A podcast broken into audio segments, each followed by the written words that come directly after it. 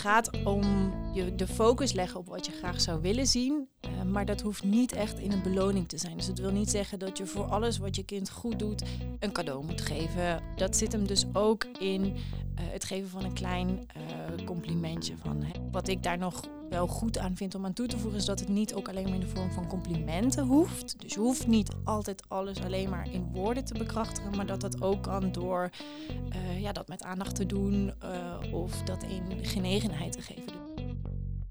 Welkom bij de Opvoedkast. De podcast over alles wat je als ouder van jonge kinderen wil weten. Want tijdens de opvoeding van die kleine loop je tegen van alles aan. En dan is het fijn om af en toe een pedagogische hulplijn te hebben.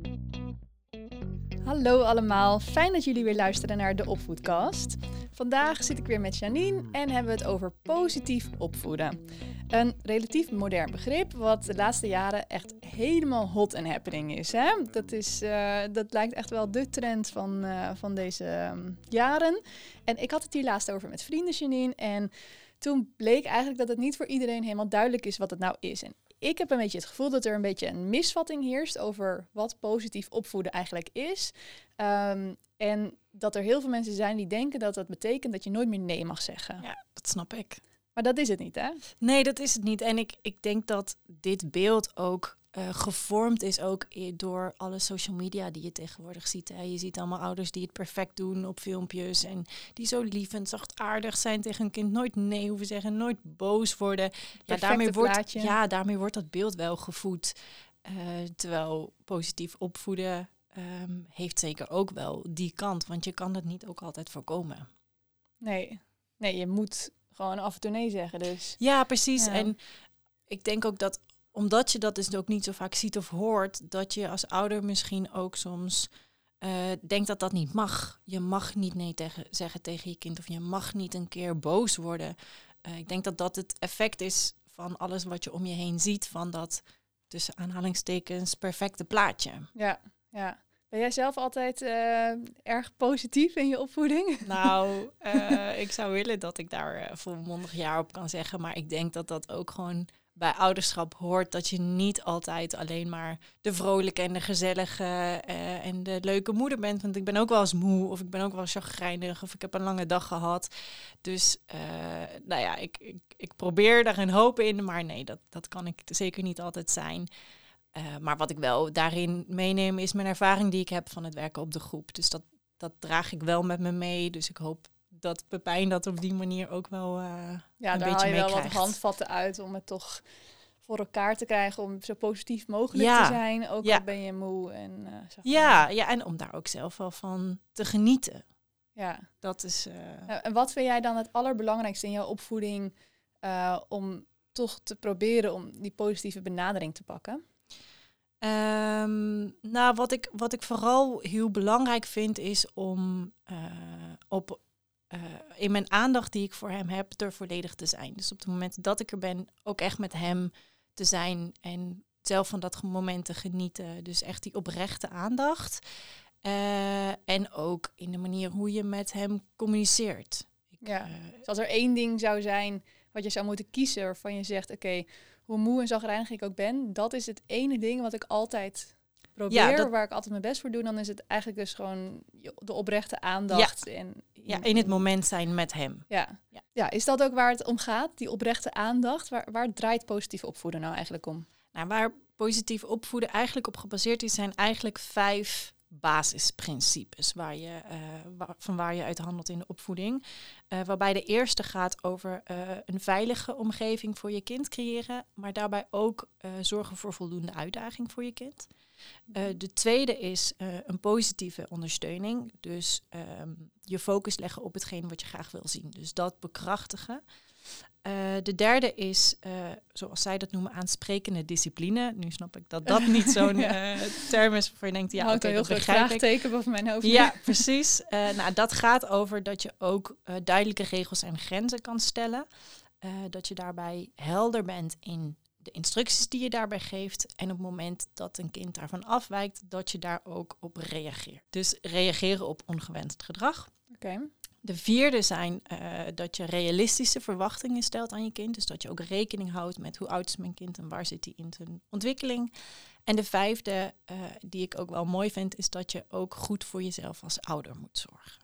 Dat is zeker een mooie. Ja. Maar bij elkaar best wel wat aspecten. Klopt. waar ja. je dus uh, ja, rekening mee moet houden als je dit uh, op deze manier aan wil pakken. Um, laten we nog heel even terug naar die tweede, want je noemt, mm -hmm. uh, ja, je zegt zeg maar dat je de focus moet verleggen naar het positieve in plaats van het negatieve. En dat je dus moet bekrachtigen wat je graag wil zien. Betekent dat dat je negatief gedrag moet negeren? Of, ja, en gedrag wat je wel wil zien belonen? Of is dat niet helemaal wat je doet? Nou, nee, niet, niet helemaal. Um, het gaat om uh, je de focus leggen op wat je graag zou willen zien. Uh, maar dat hoeft niet echt in een beloning te zijn. Dus het wil niet zeggen dat je voor alles wat je kind goed doet een cadeau moet geven. Of overal stickers uitdelen, zoals ze dat misschien vroeger op de basisschool deden. Um, maar dat zit hem dus ook in het geven van een klein uh, complimentje. Van hè, wat fijn dat je je blokken zelf hebt, uh, hebt opgeruimd. Of, um, ja, dus dat zit hem meer daarin. En wat ik daar nog wel goed aan vind om aan toe te voegen, is dat het niet ook alleen maar in de vorm van complimenten hoeft. Dus je hoeft niet altijd alles alleen maar in woorden te bekrachtigen, maar dat dat ook kan door uh, ja, dat met aandacht te doen uh, of dat in genegenheid te geven. Dus je kind een knuffel geven of even glimlachen als je ziet dat hij iets doet wat je heel fijn vindt. Uh, het kan ook echt Even op die manier. Ja. Ja. Dus eigenlijk geïnteresseerd zijn in waar je kind mee bezig is en dat laten zien, Ja. is eigenlijk ook al een vorm van, van waardering. Ja, klopt. En eh, wat ze daar dan ook nog aan toevoegen, is dat je ook je kind motiveert om nieuwe dingen te gaan eh, onderzoeken. Dus dat eh, is ook naast die veilige ja, omgeving, is ook die uitdaging dus belangrijk. Ja. En, ehm, dat je dat echt stimuleert. Ja, klopt. Ja. En eh, wat ik zelf nog wel mooi vind om eraan toe te voegen, hè, we hadden het net over dat geven van die complimenten. En dat is iets wat ik eh, vanuit de How to Talk to Kids methode eh, heb meegenomen, die wij inzetten op onze groep, is dat het ook mooi is Ja, om dat is kind- Een eh, communicatiemethode, hè, om met ja. kinderen het, en misschien ook wel met volwassenen te, te ja, kan communiceren voor iedereen kan op een positieve manier. En ehm, wat, wat How to Talk to Kids heel mooi doet, is dat je de kind ehm, zelf zich laat complimenteren. En dat klinkt een beetje gek van, nou, hoe, hoe doe je dat nou? Maar stel, eh, we pakken weer even dat voorbeeld van de blokken erbij. Mhm. Ehm, als jij benoemt wat er is gebeurd, dan geef je het kind de mogelijkheid om zelf het compliment te maken. Dus als je zegt, hey, kijk eens, de hele woonkamer is opgeruimd, dan is een kind sneller geneigd om te zeggen, ja, ik heb alle blokken zelf in de doos gedaan. Ja, ja. Dus hij geeft zichzelf een compliment en dat maakt ook dat hij sneller trots is op wat hij gedaan heeft. Waarmee zijn zelfvertrouwen ook weer groeit. ja, dus stiekem ook gewoon een hele mooie tip om het zelfvertrouwen van je kind Ja. te vergroten. Ja, dus je hoeft niet altijd zelf het compliment uit te delen, maar vaak benoemen wat je ziet, Ja. maakt ook dat een kind dat zelf Als je doet. wil dat je kind zijn beker leeg drinkt, dan is het niet... Hé, hey, wat goed, je water is helemaal op. Maar dan zeg je, hé, hey, ik zie dat je beker leeg is. Waarop je kind kan zeggen, Ja. ja, ik heb al het water opgedronken. Oké, mooi. En hoe zit het dan als het een keertje niet goed gaat? Mhm. Eh, ja, mag je nog wel boos worden? Ehm, je noemde net zelf dat je ook wel eens boos bent nog op je zoon. Maar is dat dan binnen positief opvoeden niet ja, toegestaan? Eh, want het klinkt natuurlijk super mooi, nooit boos worden. Maar dat is natuurlijk niet haalbaar. Dat is niet realistisch. Nee, en daarbij eh, is ook een van, de, van die principes ook juist wel die grenzen en die regels. Dus die, ren, die regels en die grenzen zijn ook heel belangrijk. eh, ook om daar consequent naar te handelen. Ehm, en dat en betekent dus ook heel, wat je eerder noemde, heel duidelijk te zijn Juist, in je ja, ja. instructies. ja, heel duidelijk te zijn, tot hier kan je gaan en niet verder. Eh, en daaraan volgt ook een natuurlijke consequentie. Dus dat wil niet zeggen dat je op het moment dat je kind dus wel over die grens heen gaat, hem moet straffen en bedenken, ja, ga maar in de hoek staan of wat dan ook. Maar dat je dat een, een, een logische consequentie is. Dus bijvoorbeeld, eh, je kind gooit het eten op de grond, want hij heeft, tijdens het eten gooit hij alles op de grond. Dat je dan eh, de consequentie is, alles wat op de grond is. Moet je zelf opruimen. Ja, of eigenlijk alles wat op de grond ligt kun je niet meer eten. Oh ja. Dus dan betekent het dat dit het eten was. Ja, ja. Oké, zolang het dus voor het kind maar duidelijk is wat de grens is en dat de consequentie die je hangt aan het overschrijden van die grens ehm, Past bij relevant de grens voor... die gesteld is. Ja, ja. Ja. Oké.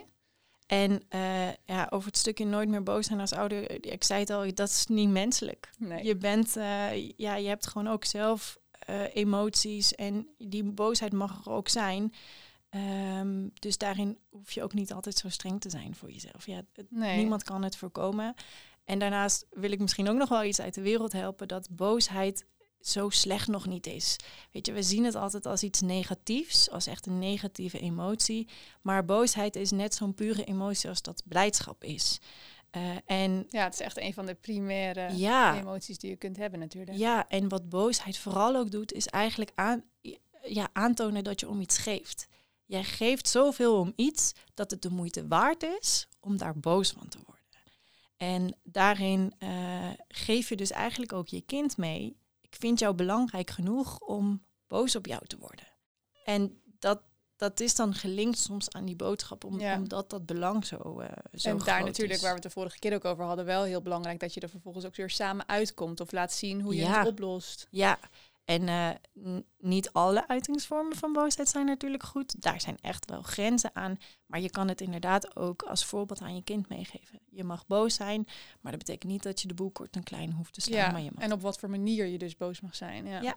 ja. ja. Dus als je niet wil dat, die, dat je kind jou slaat of vriendjes of broertjes of zusjes slaat, laat dan zien waar die wel op Ja. mag slaan. Ja. En dat is ook een beetje wat je eerder dus benoemde, dat um, bekrachtigen van wat je wel wil zien. Ja. Dat je heel erg die focus verlegt op wat wel mag, in plaats van steeds maar zeggen op dat mag niet, dit mag niet. Precies.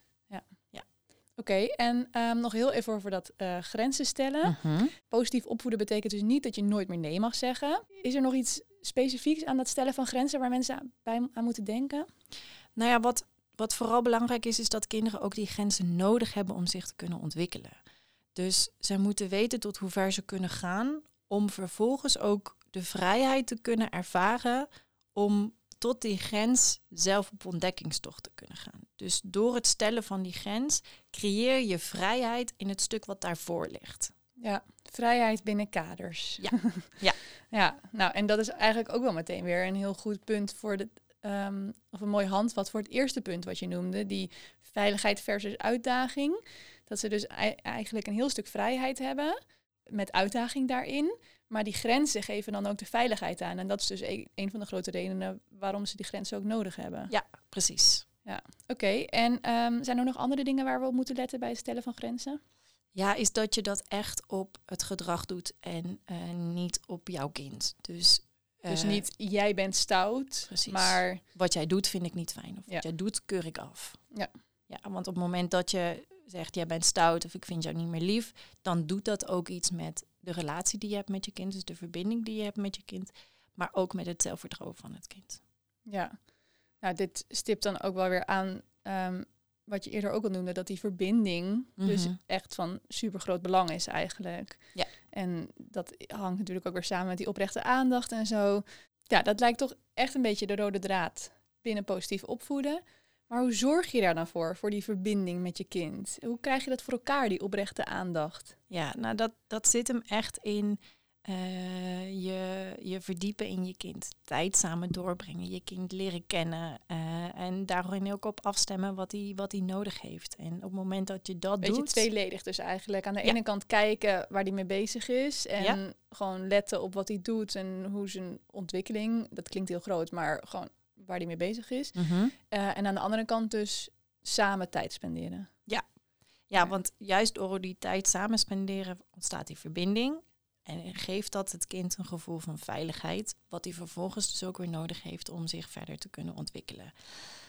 En um, ja, dat, dat klinkt allemaal wel vanzelfsprekend tijd doorbrengen met je kind, maar in de waan van alle dag is dat gewoon soms nog echt best wel lastig, want er moet ook gekookt en de was moet gedaan.